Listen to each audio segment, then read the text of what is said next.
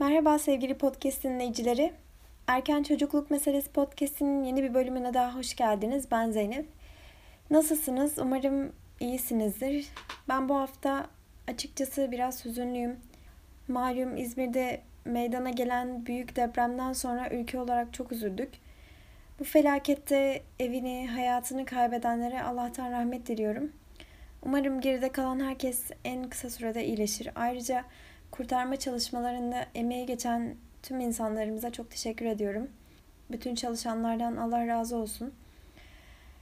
Evet, eğer geçen bölümü dinlediyseniz bu hafta deneyimlerden bahsedeceğimi söylemiştim. Ama İzmir'de yaşananlardan sonra deprem ve depremin çocuklar üzerindeki etkisinden bahsetmek daha uygun olur diye düşündüm. Çünkü ülke olarak bu tarz felaketlere oldukça açık bir konumdayız. Bu nedenle bulduğum iki tane makaleden ve bir web sayfasından özetle size bu konudan bahsetmeye çalışacağım. Peki tam olarak nelerden bahsedeceğim? Kısaca sıralamak gerekirse deprem çocuğa nasıl anlatılmalıdır? Deprem sırasında neler yapılmalıdır? Çocuğa neler öğretilmelidir deprem sırasında yapması gerekenlere dair? Ve deprem sonrasında çocuklara nasıl yaklaşılmalıdır? Bunun hakkında konuşuyor olacağım. Konuları kısaca açıkladığıma göre artık başlayalım. Ülkemiz maalesef ki deprem kuşağının üzerinde yer alıyor. Dolayısıyla bu afete her an hazırlıklı olmak ve çocuklarımızı bu konuda bilinçlendirmek oldukça önemli.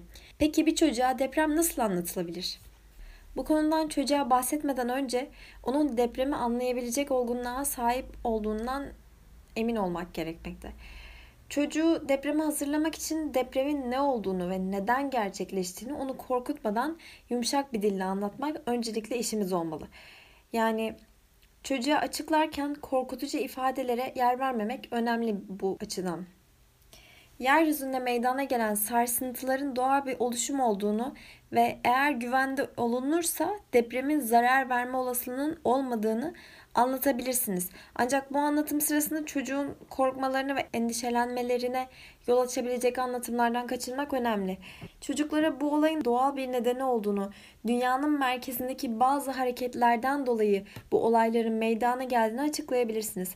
Bu anlatımı kolaylaştırmak üzere çocuklar için hazırlanmış videolar da bulunuyor. Hatta açıklamalar kısmına bulduğum bir videoyu bırakacağım. İsterseniz sizler de oradan ulaşabilirsiniz. Örneğin bu videoda evde yerlerine sabitlenmemiş eşyaları nasıl sabitlememiz gerektiğine dair anlatımlar yer alıyor. Dolabı duvara sabitlemek, rafların önüne eşyaların düşmesini engelleyecek şekilde eklemeler yapmak ya da acil durum çantası hazırlamak gibi. Bu süreçlere çocukları da dahil ederek onların afete karşı önceden bilinçlenmelerini ve hazır olmalarını sağlayabilirsiniz. Örneğin deprem çantası hazırlarken birlikte ihtiyacınız olabilecek şeylerin listesini yapabilir ve çantayı birlikte doldurabilirsiniz. Aslında bu süreci de bir oyuna çevirmiş oluyorsunuz. Böylelikle çocuk daha istekli olacaktır deprem çantası hazırlamaya ve ihtiyacı olan şeyleri kendisi de düşünecektir. Bu anlattıklarımı şimdiye kadar çocuğu deprem hakkında bilgilendirdik. Neler olabileceğini, nasıl önlemler alınması gerektiğini anlattık. Şimdi sıra deprem anında ne yapması gerektiğini anlatmaya geldi. Peki bunu nasıl yaparız? Bu konuda çocuğa yapılacakları uygulamalı olarak göstermek en etkili yöntem olacaktır. Çünkü yaparak, yaşayarak öğretilen çocuklar öğretilenler çocukların afet anında daha hazırlıklı olmasını sağlayacaktır. Zaten her zaman söylüyoruz. Yaşa, yaparak, yaşayarak öğrenmek. Peki bunu nasıl yapacağız? Öncelikle güvenli bir yere geçerek diz üstüne çökün çocukla birlikte. Başınızı ve ensenizi korumanız gerektiğini gösterin. Deprem anında heyecanlanmak çok normaldir. Bu nedenle sakinleşerek nefes alışverişlerini düzenlemesi gerektiğini belirtin. Sağlam bir yere tutunarak sarsıntı bitene kadar bu yerden ayrılmamaları gerektiğini söyleyin. Balkona çıkmanın ve merdivenlere koşmanın yanlış davranışlar olduğunu açıklayın. Çocuklara davranışlarının sonuçlarını açıklarsanız daha etkili olacaktır. Şömine ve sobadan uzak durması gerektiğini söyleyin. Deprem sonrasında elektrik kesintileri yaşanabileceğinden asansörün değil merdivenlerin kullanılması gerektiği konusunda uyarın. Tabi merdiven kullanabilecek bir seviyedeyse birinci kattakiler veya daha alt kattakiler için genelde bu söyleniyor. Onun dışında zaten daha üst katlardaki insanların merdivene çıkması da çok doğru değil. Bütün bunlardan sonra çocuklara evdeki güvenli ve tehlikeli yerleri gösterin. Hatta birlikte bulun. Bunu bir oyun, yine bunu da bir oyun gibi yapabilirsiniz. Neresi sence güvenli olabilir, neresi tehlikeli olabilir gibisinden. Ve çocuk deprem anında dış mekanda ise ona binalardan uzaklaşması ve başını binalardan düşecek eşyalara karşı koruması gerektiğini de söyleyin. Çocukların bu süreçte endişelenmelerini önlemek adına ona da kendini ifade etmeye ve duygularını paylaşma imkanı verin. Ve mutlaka ve mutlaka merak ettikleri hakkında soru sorma fırsatı yaratın. Eğer çocuğun kaygıları oluşursa oyun, uyku, yemek gibi rutinlerini iyi takip edin. Çünkü çocukların anlattıklarınızdan sonra e, hayal güçleri çok kuvvetli olduğundan endişelenme olasılıkları yüksek. Ona sarılarak, onunla konuşarak, oyun oynayarak kaygılarını anlamaya çalışabilirsiniz. Bütün bunlar çocuğun kendini korumak için deprem anında neler yapması gerektiğine dair bilinçlendirecektir. Deprem anından bahsettiğimize göre Gelelim depremden sonra çocuğa nasıl yaklaşılmalı? Deprem hakkında çocukla nasıl konuşulmalı? Afetler insanlar üzerinde fiziki hasarlara sebep olabildiği gibi psikolojik yönden de hasarlar bırakabilir. Çocuklar afetin zararlarını anlayabilecek olgunlukta olmadıkları için afetten çok daha fazla etkilenirler. Bu olayların yetişkinleri ne kadar etkilediğini biliyoruz ve çocukları düşündüğümüzde bu etki kat ve kat daha fazla olması gayet doğal. Okul öncesi dönem çocuklarına doğal afet sonrası Enürezis yani altını ıslatma, davranış bozukluğu, uyku bozukluğu gibi problemler daha sık görülmekte. Hatta bununla ilgili çalışmalarda yapılan bir çalışma var ve bu çalışmada 7000 çocuğu incelemişler ve kasırgadan sonra inceliyorlar. Hani deprem değil tabii ama kasırgada yine ona yakın bir afet aslında bakarsak. Yine insanlar hayatlarını, evlerini ya da önemli önemsedikleri şeyleri kaybediyorlar. Ve yapılan bu araştırmada 7000 çocukla yapılan bu araştırmada çocukların yaklaşık olarak yarısında bazı ruhsal problemler olduğu gözlenmiş. Peki bu kasırgayı ele almış ve deprem de aynı etkiyi bırakıyor aslında baktığımızda. Deprem afeti sonrasında da çocuklarda deprem şoku dediğimiz bir durum meydana geliyor. Deprem şoku ise özellikle okul öncesi ve ilkokul çocuklarında bir deprem olayı sonrasında çocuğun yaşadığı korkular, çocuğun gelişimindeki gerileyen davranışlar ve bazı psikolojik problemlerdir. Şimdi Sizinle deprem sonrası yapabilecekleri dair bazı bilgiler paylaşmaya çalışacağım. Deprem şokuna maruz kalan çocuklar daha çok ilkokul ve anaokulu çocukları, okul öncesi çocukları olduğunu söylemiştik. Bu da 3 ile 11 yaş arasını kapsıyor daha çok okul öncesi ve ilkokul dediğimiz zaman. Bu yaş grubundaki çocuklar canlı bir hayal gücüne sahipler. E, duyduklarını abartma eğilimindeler. Olmamış şeyleri olmuş gibi anlatabiliyorlar bazen. Ve dolayısıyla çok kolay korkabiliyorlar ve çok et, çabuk etkileniyorlar gerçekle gerçek olmayanı karıştırabiliyorlar. Ayrıca çizikler, sıyrıklar ve küçük yaralanmalardan dahi çok etkileniyorlar. Bir damla görse dahi paniğe kapılan çocuklar oluyor. Tabii bu çocuğun yaşantılarıyla da alakalı. Ama çocuk deprem sonrasında ister istemez etkilenecektir. Bu nedenle deprem sonrası çocuğa olan yaklaşım yumuşak ve anlayışlı olmalı. Özellikle ebeveynlerin dikkat etmesi gereken bir şey ise çocuğu bırakıp kendilerinin tehlikeli olabilecek yerlere gitmemeli. Örneğin çocuğu kurtarma merkezine bırakıp bir yerlere bir şeyler almaya gitmemeli. Gitmek zorunda ise mutlaka çocuğu yanlarına almaları gerekiyor. Çünkü çocuk bu durumda endişeleri çok daha fazla artabilir.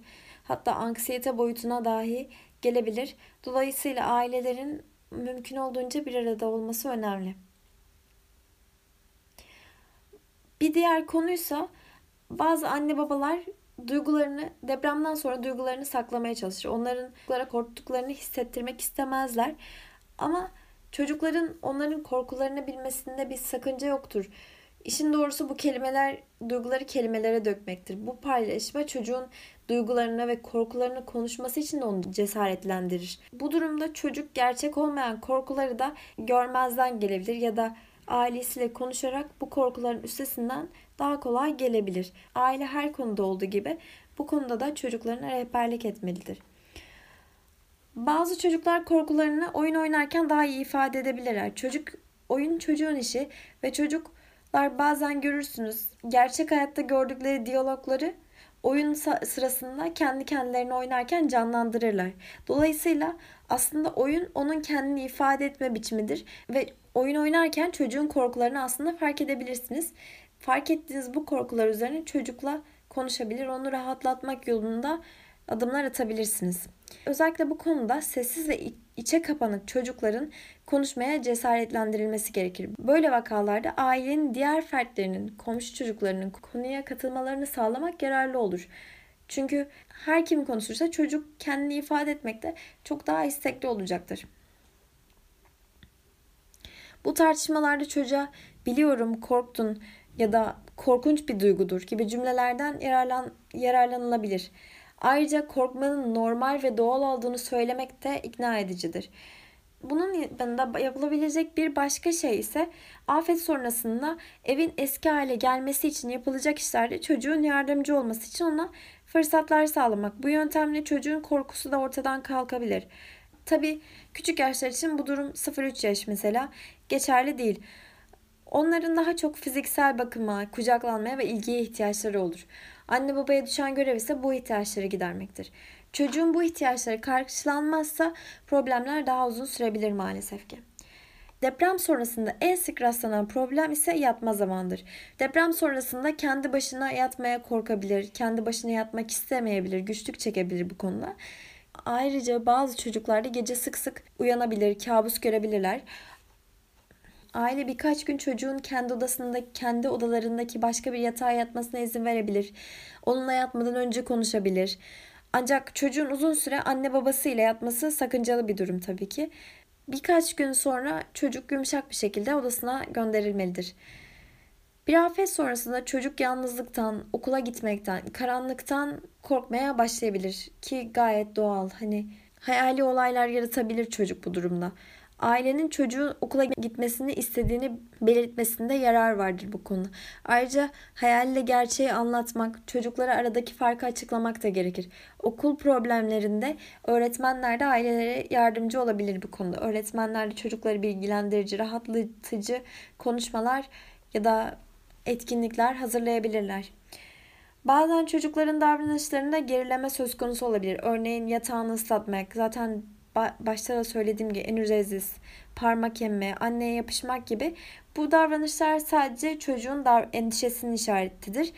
Bu davranışları anlayışla karşılamak, bu davranışlara karşı aşırı tepki göstermekten çok daha etkili bir yöntemdir çocuğun davranışlarının düzelmesi konusunda. Burada birkaç problemlerden bahsettim.